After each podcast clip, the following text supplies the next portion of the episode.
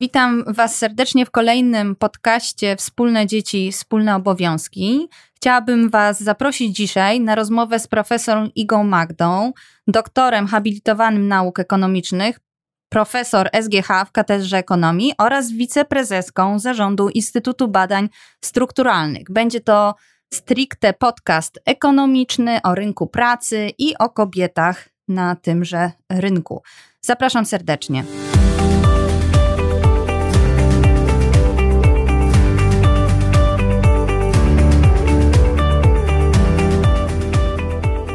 Słuchacie podcastu Wspólne Dzieci, Wspólne Obowiązki. Rozmawiamy o urlopie rodzicielskim w Polsce i na świecie, a szczególnie o tym, jak można go podzielić między kobietę i mężczyznę.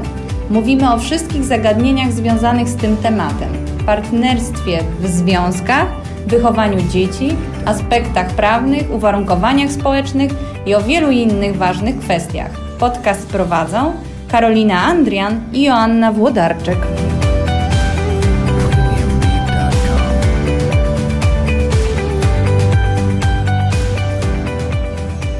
Dzień dobry, witam serdecznie. Cześć Iga, bardzo dziękuję, że zgodziłaś się na spotkanie z nami i że porozmawiamy sobie chwilę o rynku pracy. E, jest to temat bardzo Ci bliski, od długiego bardzo mm, okresu, więc e, głównie będę zadawać krótkie pytania, a Ty mam nadzieję podzielisz się z nami swoją wiedzą. Porozmawiajmy w takim razie właśnie o kobietach na rynku pracy, jak to wygląda w Polsce, jak wygląda aktywność e, zawodowa kobiet w Polsce i oczywiście jak e, my się plasujemy na tle innych krajów europejskich. No więc nie ma takiego jednoznacznego obrazu aktywności zawodowej kobiet, ich obecności na rynku pracy w Polsce. Mhm. Z jednej strony e, są wskaźniki, które sugerują, że ta obecność jest dużo niższa, ta aktywność zawodowa dużo niższa. Z drugiej strony tak naprawdę ten obraz jest mocno zaciemniony przez silne zróżnicowanie tej aktywności według wieku. E, z jednej strony kobiety, które są najmłodsze i te najstarsze po 55, a już w szczególności po 60 roku życia, one mają wyraźnie niższe współczynniki aktywności zawodowej, znacznie rzadziej e, są aktywne zawodowo na rynku pracy niż w krajach e, innych Euro Unii Europejskiej. To wynika w szczególności z dosyć dużego zaangażowania w edukację kobiet najmłodszych, ale także ciągle niższego wieku pojawienia się pierwszego dziecka w Polsce niż w innych krajach europejskich. Mhm. No a z drugiej strony wśród kobiet starszych to wynika przede wszystkim z dużo niższego wieku emerytalnego. Tak? Mamy w Polsce wiek emerytalny dla kobiet 60 lat, jest to dużo poniżej e, większości innych krajów europejskich, no i też duża luka w stosunku do aktywności mhm. zawodowej mężczyzn. Z drugiej strony te kobiety, które są w tym wieku pośrodku, czyli tak między 25, 29, 49 lat, one tak naprawdę w Polsce pracują nawet relatywnie częściej niż w innych krajach europejskich, w szczególności jeżeli są dobrze wykształcone i ciągle bezdzietne. Mhm. Tutaj widać wyraźnie, że te wskaźniki zatrudnienia są, są duże, są większe niż średnia unijna, chociaż ciągle oczywiście daleko nam do niektórych krajów, które mhm. no, są dużo lepsze. Tak? Nie tylko Skandynawia już ta mityczna, ale także kraje bałtyckie czy Chorwacja mają wyraźnie wyższe te wskaźniki zatrudnienia kobiet w wieku 25-49, czyli w Polsce nie jest źle, no ale też wyraźnie można e, lepiej. To, gdzie ta aktywność kobiet jest niska, to są w szczególności kobiety z trzech grup, bym powiedziała. Po mhm. pierwsze, kobiety z niższym poziomem wykształcenia, tak? Już wykształcenie średnie, szczególnie ogólnokształcące, ono w dużym mierze, mierze jakby wyklucza z rynku pracy. Z drugiej strony, niska aktywność zawodowa dotyczy też kobiet mieszkających w mniejszych miejscowościach i na wsiach. Tutaj wydaje się, że problemy z transportem do większych ośrodków, to, że brakuje fajnych, dobrych miejsc pracy dla tych kobiet w tych, w tych obszarach, jest e, jakimś tam ograniczeniem. No i też wyraźnie widać, że aktywność zawodowa, zatrudnienie matek z dwójką dzieci wyraźnie spada poniżej analogicznych, porównywalnych poziomów. Czyli o ile jeszcze matki pierwszych dzieci jakby dają radę na rynku pracy i utrzymują się i utrzymują pracę, jak już się pojawia to drugie dziecko, no to, to spora część z nich wypada. Mhm. No właśnie, tutaj rzeczywiście ja znam te, te badania, które pokazują właśnie, że drugie dziecko jest właśnie takim punktem, który bardzo często zamyka ścieżkę aktywności zawodowej u kobiet. Mm, tak jakby czegoś, czego one się dowiadują po urodzeniu się drugiego dziecka, jakie, co powoduje, że właśnie przechodzą do, do, tej, do tej grupy osób nieaktywnych zawodowo. No myślę, że dowiadują się w szczególności takie zderzenie z tym, jak bardzo trudno jest połączyć to życie zawodowe z życiem rodzinnym jest szczególnie silne, jak już, jak już się próbuje tę ekwilibrystykę uprawiać z dwójką dzieci. Jedno może jeszcze nie w żłobku, nie w przedszkolu, niekoniecznie dostanie się tego żłobka przedszkola. Drugie jest w żłobku albo w przedszkolu, albo w szkole, no i się okazuje, że godziny na siebie nachodzą i mhm. jeszcze wciśnięcie do, siebie, do tego pracy na pełen etat jest niemożliwe, a jednocześnie odsetek miejsc pracy na, w niepełnym wymiarze czasu pracy jest bardzo niski w Polsce, tak? Wyraźnie odstajemy mhm. od większości krajów Europy Zachodniej.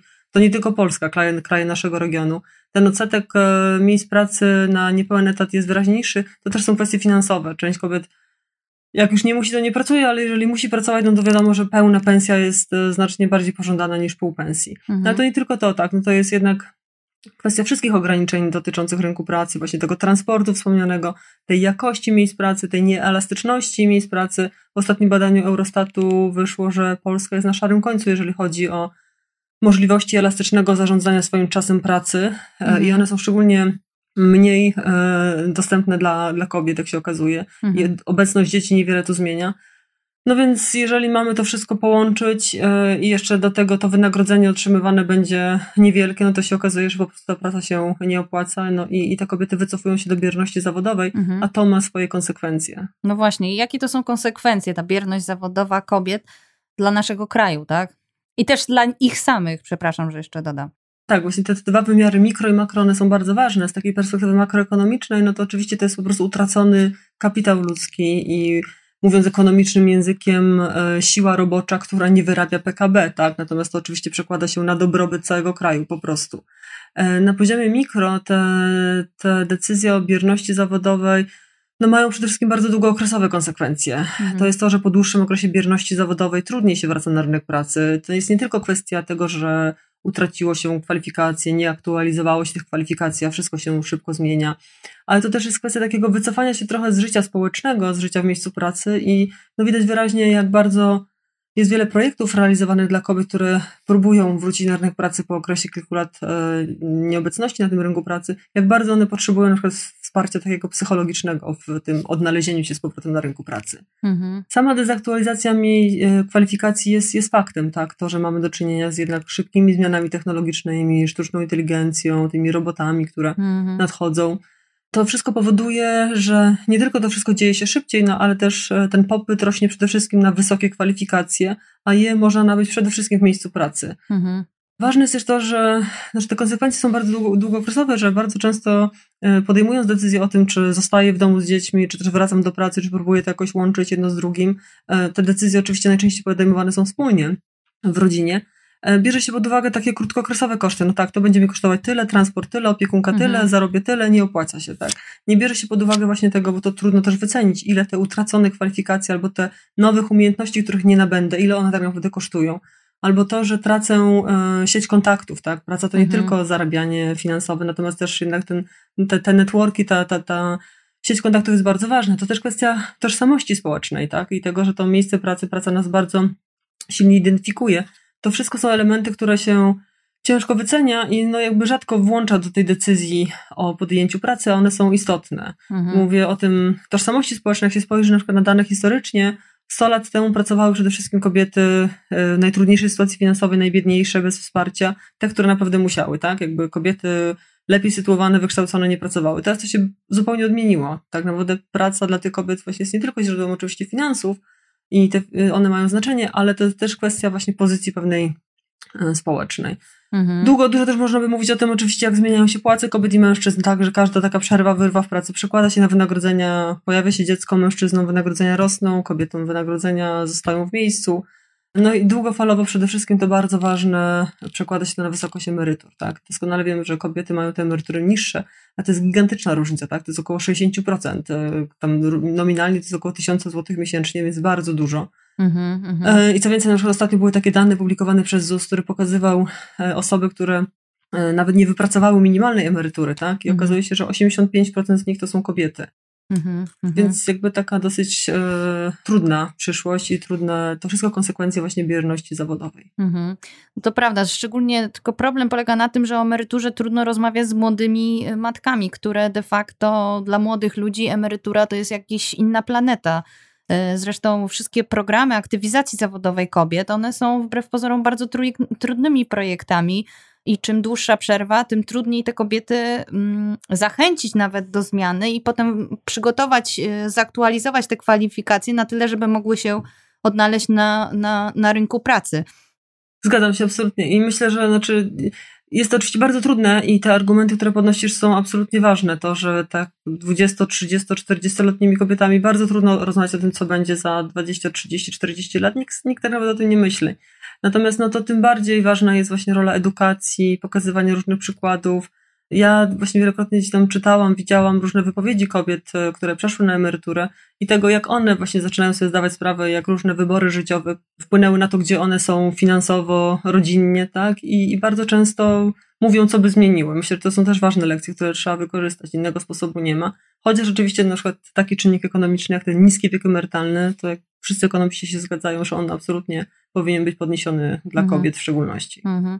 No tak, no bo 60 lat to jest przecież w sumie osoba bardzo jeszcze aktywna mogłaby być zawodowo, bo często ten wiek y, pierwszego dziecka się przesuwa bardzo mocno już y, ponad 30, chyba tylko około 35 roku, no to to jest blisko 40. Zanim odchowasz tą dwójkę, to w zasadzie jesteś po 50 i, i teraz pytanie, no ile ci zostaje tego czasu na wypracowanie na emerytury? Tak, i czy opłaca się inwestować w taką kobietę, która ma jeszcze 10 lat? Dokładnie. To jest inna decyzja niż kobieta, która ma jeszcze 15 lat aktywności zawodowej. Mhm. Szczególnie, że jak podwyższymy wiek emerytalny do 65 roku życia, to nie tylko tych składek się więcej uzbiera, no ale też później dzielimy te składki przez krótszy okres, tak, bo przechodzimy na emeryturę 5 lat później. Więc to ma naprawdę kolosalne, kolosalne konsekwencje dla wysokości emerytury i sytuację tych kobiet widać wyraźnie w tych wszystkich makroekonomicznych e, symulacjach, do nich wracając, mhm. jak bardzo będzie rosło ryzyko ubóstwa kobiet właśnie po 60-65 roku życia. No i też w kontekście tej demografii, do której pewnie jeszcze będziemy nieraz wracać, e, to, że się starzejemy, to wiemy e, i bardzo silnie będzie rósł odsetek kobiet w wieku, w ogóle osób, ale to będą znowu w szczególności kobiety w wieku 80+. Plus. Mhm. I o ile łatwo sobie powiedzieć, że no będę miała 60 lat, emeryturę co minimalną, no ale to sobie trochę dorobię, no to w tym wieku lat 80 potrzeby rosną, a możliwości dorobienia już są praktycznie zerowe. No właśnie, dokładnie. Mm, Okej, okay. E, wspomniałaś o macierzyństwie, o właśnie tej dwójki dzieci, które się pojawiają i które są takim głównym czynnikiem wycofania się kobiet i tych trudności. Pytanie, co można zmienić, żeby pomóc e, e, kobietom pozostać aktywnym zawodowo, bo pytanie, czy one chcą zostać aktywne zawodowo, czy nie. Tutaj różne są dyskusje na ten temat. Jak to z Twojego punktu widzenia wygląda? Tak, to jest dobre pytanie, na które nie znamy tak naprawdę odpowiedzi. To znaczy, jaki odsetek kobiet chce pozostać aktywnych zawodowo, a jaki odsetek kobiet tak naprawdę wolałby jednak zająć się pracą w domu i wychowywaniem dzieci w domu.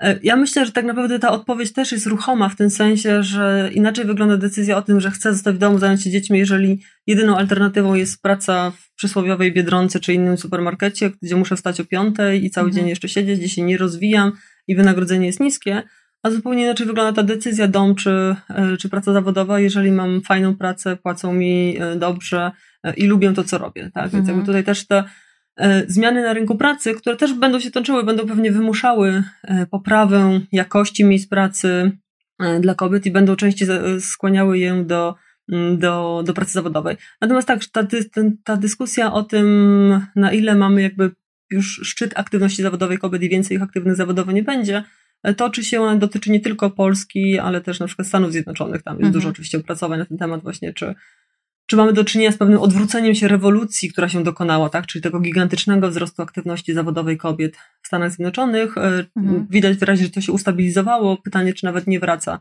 e, dla niektórych z nich, no bo skoro jesteśmy coraz bogatsi, zarabiamy więcej, to może nas stać na to, żeby teraz e, wycofać się z rynku pracy. Mhm. Nie mamy tu jeszcze dobrych odpowiedzi, natomiast ja bym była bardzo właśnie wyczulona na to, że to zależy o jakich miejscach pracy mówimy mhm. i że dla jednak podtrzymania tych korzyści aktywności zawodowej kobiet, które myślę, że w dłuższym okresie są jednak e, większe niż, niż ta bierność zawodowa, ważne jest e, uwzględnianie także tych czynników. E, I myślę też, że też zależy, o czym mówimy o bierności zawodowej, czy to jest pełne wycofanie się z rynku pracy, czy też może w pewnym stopniu wycofanie się z rynku pracy, mhm. czy może jednak w Polsce bardziej popularna stanie się praca w niepełnym wymiarze czasu pracy, przy wszystkich jej minusach oczywiście, jakie ona ma. No ale tak naprawdę to, co najważniejsze jest, no to pomijając już wątek żłobków, przedszkoli, dobrej jakości świetlic, bo ciągle Bardzo dużo się zmieniło na plus, ale ciągle są luki. E, no i teraz też ciągle już mówimy nie tylko, że potrzebujemy miejsc w żłobkach w przedszkolach, ale podkreślamy, że chcemy dobrej jakości miejsc w żłobkach i przedszkolach, tak? Żeby to mhm. nie były przechowalnie, tylko to już trochę inny wątek edukacyjny, ale tak naprawdę te dzieci bardzo korzystają z pobytu w placówkach już na wczesnym etapie rozwoju. Mhm. I jakby tam na tym pierwszym etapie naprawdę tworzą się bardzo ważne umiejętności życia społecznego. Mhm. Więc niezależnie od tych miejsc e, potrzebnych ciągle dobrej jakości w żłobkach, w przedszkolach, potrzebujemy tak naprawdę większego zaangażowania ojców e, w, w opiekę nad dziećmi już na, w tym wczesnym etapie korzystania przez nich z urlopów rodzicielskich, macierzyńskich, ojcowskich, e, większego zaangażowania w pracę domową, bo widać wyraźnie, że wracając do naszego głównego tematu, czyli tej luki płacowej, mhm. że tak naprawdę to wszystko zaczyna się e, w okresie macierzyństwa, to wszystko wiąże się z macierzyństwem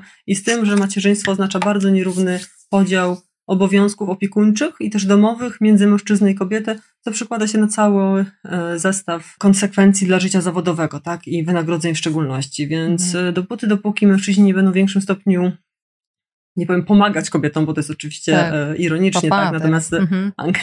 angażować się w równy podział opieki i i obowiązków domowych, dopóty to kobiety będą no, dyskryminowane w takim ujęciu czysto dyskryminacyjnym albo po prostu statystycznym na rynku pracy i do, do, do, do tego czasu będą miały niższe wynagrodzenia, niższe możliwości awansu, niższe możliwości rozwoju. Mhm. To nie jest łatwe, tak? Ponieważ no na to nakładają się pewne normy społeczne, tak, nakładają się normy społeczne, oczekiwania wobec e, mężczyzn w ogóle, przyzwolenie na to zaangażowanie się w większym stopniu. Dużo się zmienia, tak? To jakby widzimy wszyscy dookoła, że jednak ten i w wskaźnikach też widać, że ten odsetek mężczyzn, którzy chociażby korzystają z urlopu ojcowskiego, gdzie wydawałoby się, że to 100% z nich powinno korzystać, skoro ZUS płaci. No tak. Dwa tygodnie można mieć wolnego, tak w cudzysłowie. Mhm. Niestety okazuje się, że ciągle już trochę niewiele powyżej połowy e, z nich korzysta z tego urlopu. Wcześniej to było dużo mniej, zaczynaliśmy od bardzo niskich wskaźników. No więc te zmiany gdzieś tam się toczą, one też są wspierane pewnymi zmianami instytucjonalnymi. Natomiast myślę, że potrzebujemy więcej takiego też sygnału wyraźnego, zajmowanie się dziećmi domem jest okej, okay, naprawdę, i potrzebujemy tych mężczyzn w większym stopniu tam zaangażowanych.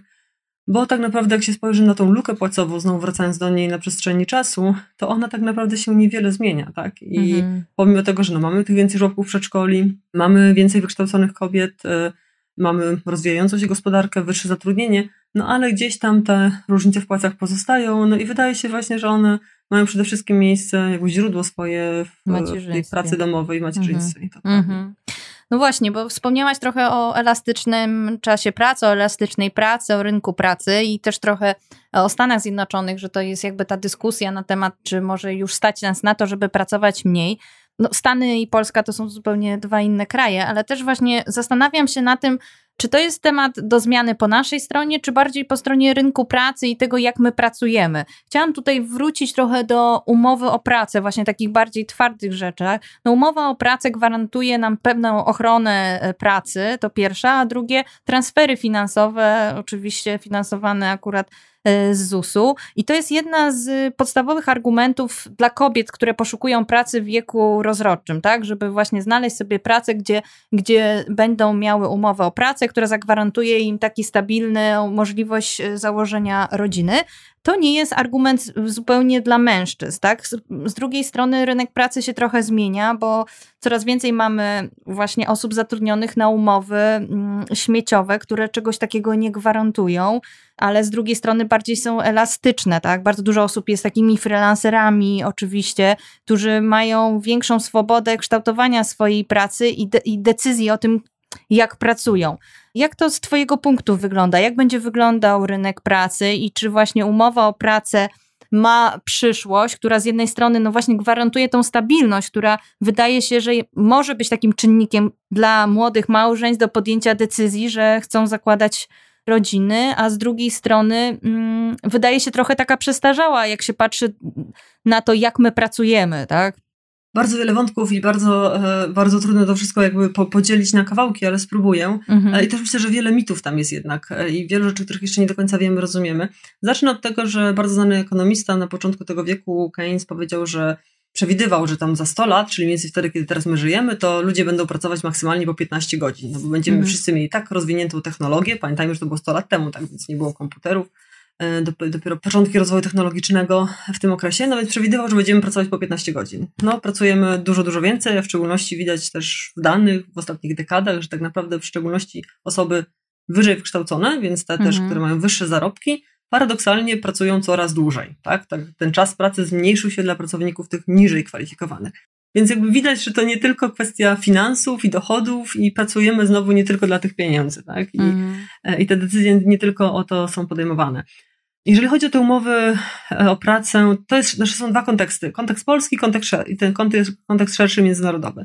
Zacznę od tego międzynarodowego może, że faktycznie tam ten, ta dyskusja o tym, co czeka rynek pracy, jak mm. zorganizować e, w ogóle system kontraktów, umów, rozwiązań na rynku pracy w kontekście tego, że z jednej strony właśnie wymagana jest większa elastyczność, bo jesteśmy bardziej globalni, mamy rewolucję technologiczną, sztuczną inteligencję, roboty i tej elastyczności tak się wydaje, że bardzo, bardzo potrzebujemy.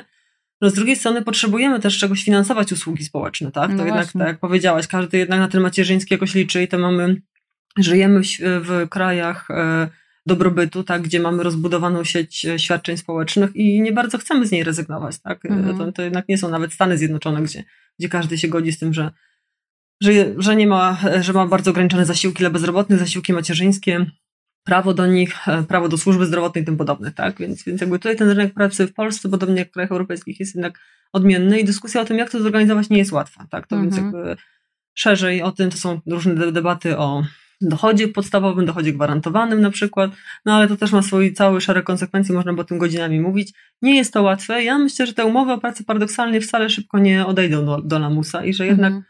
Pracownicy też potrzebują bezpieczeństwa i im szybciej, dynamiczniej ten rynek pracy się zmienia, tym jednak bardziej tego bezpieczeństwa, tę potrzebę bezpieczeństwa odczuwamy.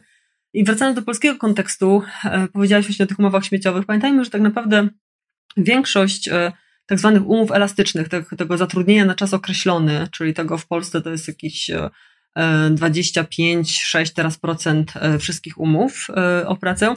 To są jednak umowy, większość z tych umów tak zwanych elastycznych właśnie na czas określony, to są tak naprawdę umowy o pracę, tylko na czas określony, tak? Czyli one też mają w większości przypisane możliwość korzystania z różnych usług społecznych, począwszy od ubezpieczenia zdrowotnego, w ograniczonym zakresie, ale jednak e, urlopów macierzyńskich i różnych innych świadczeń. Mhm. Umowy mhm. zlecenia i dzieło są oczywiście, no ale one jednak to nie jest jakaś gigantyczna część polskiego rynku pracy, tak? Okej, okay, milion osób wśród 16 milionów pracujących to jest dużo, no ale to nie jest tak, że połowa osób pracuje na śmieciówkach w Polsce. Mhm. Natomiast e, pamiętajmy też, że w dużym stopniu e, te uwarunkowania, umowy zlecenia, umowy o dzieło, umowy o pracę, one są dyktowane przez rozwiązania e, prawne w zakresie oskładkowania, opodatkowania. Tak? To, to, że bardziej się opłaca, do tego dodajmy jeszcze własną działalność gospodarczą, w szczególności no jednoosobową działalność gospodarczą. Więc oczywiście wiele osób decyduje się korzystać z tych rozwiązań, płacić mniejsze składki, mniejsze podatki, żeby mieć większe dochody netto. Natomiast no to też ma swoje konsekwencje dla później systemu ubezpieczeń społecznych i uprawnień. Mam wrażenie, że z jednej strony chcielibyśmy mieć bardzo niskie podatki, niskie składki i tylko narzekać, jak ten ZUS jest zły, a z drugiej strony jednak oczekiwalibyśmy państwa skandynawskiego, tak, które mhm. oferuje nam, nam wszystko. Nie da się, po prostu się nie da. Więc jakby też myślę, że czeka nas trochę debata publiczna i taka większa potrzeba uświadomienia, no, że to, to jest wybór pewien, tak, i czy my chcemy faktycznie być super elastyczni, z wyższym dochodem, no ale jak coś się będzie działo, to jest to po naszej stronie to ryzyko. Mhm. E, czy też jednak potrzebujemy większego wsparcia po stronie państwa. Ja przyznam w ostatnich e, badaniach, które prowadzę, które są jeszcze nieopublikowane, to są dosyć wstępne wyliczenia, ale patrzymy na to właśnie, jak wygląda ta elastyczność czasu pracy w różnych wymiarach kobiet i mężczyzn. Okazuje się, że kobiety wcale nie mają bardziej elastycznego czasu pracy, a nawet często mają mniej elastyczny czas pracy. Mniej też pracodawcy od nich wymagają, więc jakby też zakładają, antycypują to, że ona ma dwójkę dzieci o 19 niekoniecznie wpadnie do biura, tak? Mhm. A mężczyzna jakby, żeby miał piątkę, to i tak się zjawi. Mhm. Więc jakby to gdzieś tam, gdzieś tam powoli widać, ale też widać, że osoby, które mają umowę o pracę na czas określony, one wcale nie mają bardziej elastycznego czasu pracy. Ja myślę, że to właśnie jeden z tych mitów. E, I tak naprawdę to się tak wydaje, że mogą sobie zarządzać, ale no, w szczególności jeżeli to jest umowa o pracę na czas określony, gdzie się jeszcze bardziej starają, są przywiązane do pewnego harmonogramu i a tych freelancerów prawdziwych to pewnie mamy tam kilkadziesiąt tysięcy artystów, no tak. naukowców i tym podobnych, którzy faktycznie mogą powiedzieć, że czy siądą rano, czy siądą w nocy do napisania jakiegoś tekstu. Natomiast to jest jakiś jednak margines e, rynku pracy. -hmm. A większość osób z tych osób pracujących w Polsce ma umowę o pracę, ma mniej elastyczny czas pracy, ma też bardzo mało elastyczny czas pracy na tle innych krajów europejskich, tak powiedziałam, i z tym się mierzy. Mhm. Chciałam jeszcze jedno, dwa pytania Ci zadać. Jeden właśnie o elastyczny czas pracy. Właśnie bardzo mnie zdziwiło to, co powiedziałaś, że wbrew pozorom właśnie kobiety mają mniej, mniejszy dostęp do tego elastycznego czasu pracy, a tak naprawdę y, bardzo często o tym mówią, bo wszystkie badania, które mm, jak bada się matki młode, czego potrzebują, to bardzo dużo z nich mówi właśnie o tym, że ten elastyczny czas pracy. No w sumie bardzo mi zdziwiło to, co powiedziałaś. Dlaczego, dlaczego tak jest? Dlaczego właśnie osoby, które tego niby potrzebują, wydawałoby się i tak przynajmniej deklarują, tego nie mają? No to jest bardzo dobre pytanie. Ja myślę, że w Polsce jednak trochę pokutuje jeszcze model takiego rynku pracy, gdzie rządzi pracodawca i to on decyduje e, i ma większą, powiedzielibyśmy, siłę bargaining power, e, nie pamiętam jak to się po polsku nazywa, w każdym razie jest taką e, większą możliwość decydowania o tym, jak wyglądają te relacje w miejscu pracy. To jest też taka szersza kwestia modelu w ogóle pracy w Polsce, tego, że mamy słabe związki zawodowe albo w ogóle ich nie mamy, a bardzo często obecność związków zawodowych i ich, e, jak to, tak to wygląda w krajach skandynawskich czy Europie kontynentalnej, one bardzo często wypracowują z pracodawcą właśnie możliwość pewnych rozwiązań.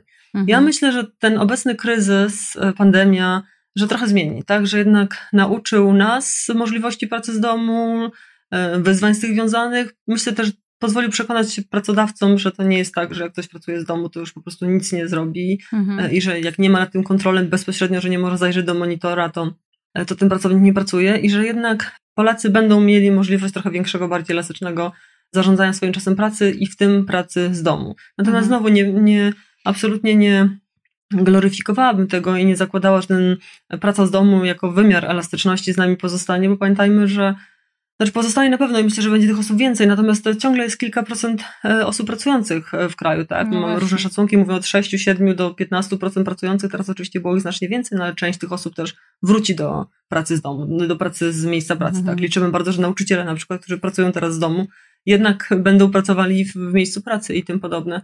Więc nawet jeżeli będziemy mieli więcej 8, 9, 10% pracujących, no to ciągle jest mm, jakaś taka cząstka rynku -hmm. pracy, a mhm. większość osób jednak e, z różnych względów, tak, tego charakteru pracy, także nie ma możliwości takiego, takiej pracy z domu, to zarządzanie czasem pracy jest ważniejsze. To, co bym podkreśliła, to właśnie uważalibyśmy, gdybyśmy patrzyli tylko na Polskę, że to, że mamy mniej elastyczny czas pracy jest konsekwencją tego, że mamy jeszcze strukturę gospodarki, która jest taka mniej zaawansowana, bardziej rutynowa praca jeszcze wykonywana z domu, to a propos też tego postępu technologicznego, który na pewno te rutynowe miejsca pracy będzie usuwał, bo to już mhm. się podziało w Europie Zachodniej i spodziewamy się tego też w krajach naszego regionu. No ale Polska odstaje też od, od krajów bałtyckich, od krajów e, naszego regionu no pod względem tej elastyczności, więc jednak coś jest takiego na rzeczy i myślę, że to na przykład doświadczenie bardzo trudnej sytuacji na rynku pracy w latach 2000, tak, tego, że mieliśmy 20% stopę bezrobocia, lat temu 15, e, mhm. że to jednak ciągle gdzieś tam pokutuje tym postrzeganiem e, pracy i tym, że to jednak pracodawca decyduje. A jak myślę, że też demografia teraz to, że jest nas coraz mniej, już się kurczy e, populacja osób w wieku produkcyjnym w Polsce, że to będzie zmuszało pracodawców do poszukiwania różnych rozwiązań, mhm. czy to w zachęcaniu kobiet do szybszego powrotu na rynek pracy i utrzymywaniu ich w zatrudnieniu, czy to właśnie w organizowaniu bardziej przyjaznych, sympatycznych miejsc pracy, gdzie po prostu te osoby, które obecnie są poza rynkiem pracy, będą skłonne uczestniczyć. I że to będą ważne konsekwencje dla rynku pracy tych zmian demograficznych, e, które no, będą miały swoje po prostu pozytywne strony. Mhm. No tak jak mówisz, to nie zazdroszczę pracodawcom, same wyzwania przed nimi tak naprawdę. No ale oprócz tego, że jesteś e, specjalistą, ekspertem, to jesteś również mamą e, dwójki dzieci to na koniec może zadam Ci to pytanie w kontekście dzielenia się obowiązkami domowymi, urlopami rodzicielskimi. Jak to wygląda nie z perspektywy eksperta ekonomii, tylko właśnie bardzo z perspektywy mikro, mikro, mikro, mikro Twojej rodziny. Jakie są Twoje doświadczenia? To jedno pytanie, a drugie też z tym związane, z Twojego doświadczenia, z Twojej perspektywy osobistej. Jak myślisz, kogo mm, my jako fundacja przekonujemy oczywiście mężczyzn do brania urlopów rodzicielskich, a kobiety do tego, żeby się dzieliły tymi urlopami? Z Twojego punktu widzenia, do kogo my powinniśmy się de facto bardziej zwracać? Bo wiemy, że do i kobiety, i mężczyzny, ale do kogo bardziej? Kto będzie tym motorem głównym zmiany? Czy to będą właśnie kobiety, czy, czy mężczyźni? No więc tak, nie sądzę, że miała cokolwiek odkrywczego do powiedzenia na pierwsze pytanie. Wszyscy wiedzą, jak jest ciężko i faktycznie, dopóki te dzieci są małe i łączymy pracę, no ja też, ja jestem w komfortowej bardzo sytuacji, no bo pracuję jednak faktycznie elastycznie i sama decyduję o swoim czasie pracy. Mhm. To oczywiście ma swoje plusy, no ale też bardzo często kończy się pracą w godzinach, kiedy jednak się nie powinno pracować, tak? Mhm. E, I takim generalnym przeciąganiem e, tych, e, tej liny między życiem prywatnym, życiem zawodowym, no, jest to trudne, po prostu te, te wymiary chyba tych trudności są inne w każdej sytuacji, w zależności od tego, gdzie się, gdzie się pracuje. Natomiast też dla mnie praca zawodowa jest taką silną odskocznią i, że tak powiem, często ratuje zdrowie psychiczne, myślę, e, bo po zbyt intensywnym życiu rodzinnym, więc myślę, że, że to też jest bardzo ważny aspekt, w kontekście tego właśnie e, jest trudno, ale, ale, ale jakby wierzę w to, że to utrzymywanie zatrudnienia i aktywności zawodowej jest bardzo ważne, bo, bo ma swoich bardzo dużo konsekwencji. To, no to twoje drugie pytanie, to, to jest bardzo dobre pytanie. Ja myślę, że my potrzebujemy więcej takich badań, nawet socjologicznych na temat e, tych norm społecznych, bo tak naprawdę potrzebujemy adresować to i dla, do kobiet, i dla mężczyzn. Mhm. Z jednej strony e, są takie bardzo, ja się odniosę do badań naukowych, e, bardzo ciekawe badanie mm, zrealizowane było dla Arabii Saudyjskiej, więc kraju oczywiście bardzo konserwatywnego, gdzie ten odsetek kobiet aktywnych zawodowo jest bardzo niski. I okazało się, że w tym badaniu mężczyźni deklarowali w takim odosobnieniu bardzo wysokie poparcie dla aktywności zawodowej swojej żony, mhm. ale jeżeli mieliby to publicznie zadeklarować, to deklarowali bardzo niskie. Ale gdy dowiadują się, że ich koledzy w sumie myślą podobnie, czyli też nie mhm. mają przeciwko temu, żeby ich żony pracowały, to tak naprawdę deklarują absolutnie pozytywne podejście. Czyli jakby pokazuje, jak ta presja taka społeczna, tych, ta obawa przed tym, że co oni powiedzą, chociaż wszyscy się okazuje myślą podobnie, tak? Czyli tak naprawdę popierają to aktywność zawodową. I w momencie, kiedy to się ujawnia, czyli mówimy, panie kolego, pana kolega też chciałby, żeby go napracowała i nie ma nic przeciwko, no to okazuje się, że o kilkadziesiąt punktów procentowych skacze to prawdopodobieństwo, że te kobiety by pracowały. Mm. To taki socjologiczny eksperyment, taki socjologiczny, natomiast bardzo, bardzo ciekawy, pokazujący właśnie, jak ważna jest ta presja społeczna. Mm-hmm. No i myślę, że potrzebujemy więcej badań. Ja tylko kojarzę jeden taki raport e, Rzecznika Praw Obywatelskich już sprzed pięciu lat, gdzie właśnie bardzo uderzające było z jednej strony, że oczywiście większość kobiet wydaje się, znaczy, że kobiety są, to widzimy w danych, że kobiety są bardziej postępowe, tak jakby mniej przywiązane do tradycyjnych ról niż mężczyźni, to oni bardziej konserwatywne poglądy jednak podzielają. Natomiast oczywiście to nie zmienia faktu, że jest odsetek kobiet, które z trudem przyjmują decyzję, że miałyby to dziecko komuś oddać tak w ręce i nie dotykaj, zostaw, bo upadnie i, i coś się złego stanie.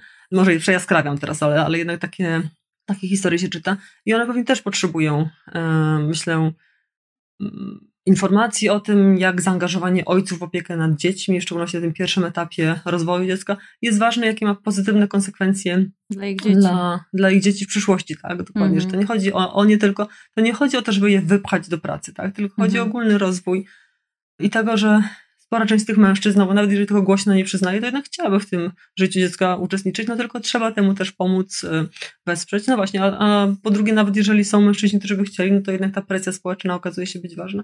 Więc ja myślę, że potrzebujemy bardzo wielu różnych komunikatów y, dopasowanych do różnych grup osób, które tego wsparcia takiego komunikacyjnego potrzebują. Mhm. No bardzo dziękuję. Rzeczywiście takie nasze spostrzeżenia też y, są, że ten komunikat musi być właśnie taki zróżnicowany i, i te korzyści jednak bardzo szeroko o, o, nich e, musimy opowiadać i tak w tym kierunku właśnie nasze działania fundacji idą. Dziękuję bardzo. Moim gościem e, była profesor Iga Magda, wiceprezeska zarządu Instytutu Badań Strukturalnych, profesor SGH w Katedrze Ekonomii. Dziękuję Ci bardzo za tą rozmowę. Dziękuję bardzo. Podcast prowadzony w ramach działań Fundacji Share the Care.